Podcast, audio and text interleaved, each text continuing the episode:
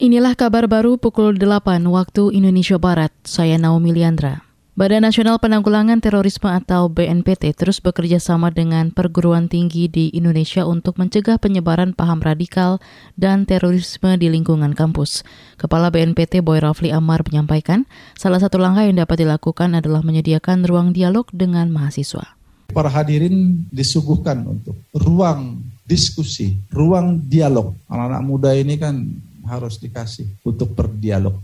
Jadi berkaitan masalah dialog tentang Pancasila, nah para peserta didik di UBK ya tentunya harus menurut saya punya harus punya studi ekstrakurikuler bagaimana mendialogkan Pancasila di kalangan generasi muda. Kepala BNPT Boy Rafli Amar menjelaskan perlu ada formula bagaimana dialog mengenai Pancasila dapat diterima dengan baik oleh mahasiswa agar terhindar dari paparan paham radikal terorisme. Ia menilai kerjasama antara BNPT dengan berbagai perguruan tinggi akan menjadi cara yang tepat dalam mengidentifikasi masuknya paham radikal terorisme di kampus.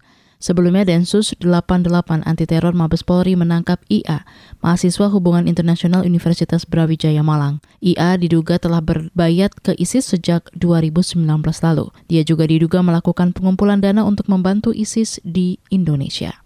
Indonesia Police Watch atau IPW mendorong Dewan Pengawas Komisi Pemberantasan Korupsi KPK memeriksa dugaan pelanggaran etik yang dilakukan Deputi Penindakan Karyoto. Ketua IPW Sugeng Teguh Santoso mengatakan, pernyataan Karyoto yang mempersilahkan masyarakat mencari buronan KPK Harun Masiku dengan biaya sendiri membuktikan ketidakmampuan KPK. Uh, Karyoto tidak mampu kemudian apa ya merespon dengan tepat ketika ditanya progresnya. Nah, jadi yang muncul pernyataan yang menurut saya tidak tepat, out of control ya. Out of controlnya kenapa? Satu, menyuruh masyarakat mencari sendiri itu sama saja masyarakat disuruh main hakim sendiri. Ketua IPW Sugeng Teguh Santoso menambahkan, pernyataan Deputi Penindakan Karyoto juga memberikan legitimasi kepada masyarakat untuk berhak bertindak. IPW menilai ungkapan Karyoto itu mengisyaratkan KPK telah menyerah untuk mengejar tersangka Harun. Dia menyarankan kasus ini diserahkan kepada aparat penegak hukum lainnya yakni Polri dan Kejaksaan. Presiden Amerika Serikat Joe Biden akan menerima kunjungan BTS pekan depan. Kunjungan tersebut merupakan bagian dari rangkaian perayaan Asia Amerika.